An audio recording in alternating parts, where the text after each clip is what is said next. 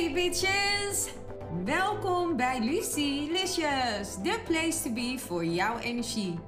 Mijn naam is Lucille en in deze podcast gaan we het hebben over jouw sterrenteken en welke energie je kan verwachten voor deze week.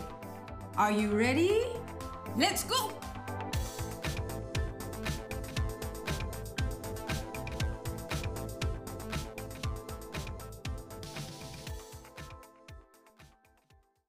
Vissen, deze is voor jullie.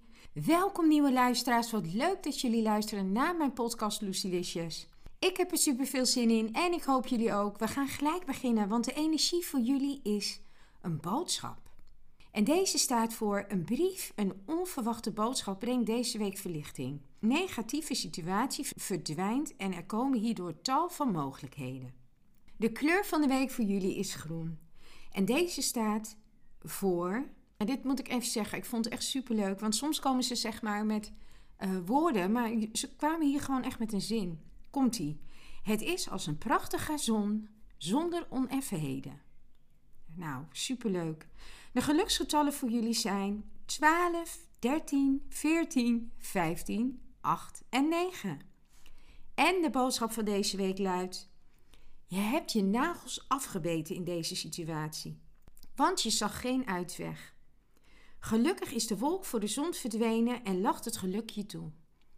Pff, wat een opluchting, hè? Blijf in het moment en geniet er met volle teugen van.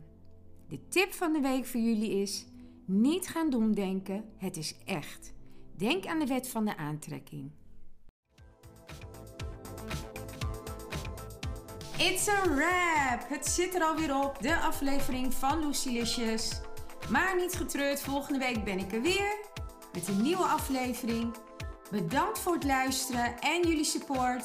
Tot volgende week. Tot Lucy Licious!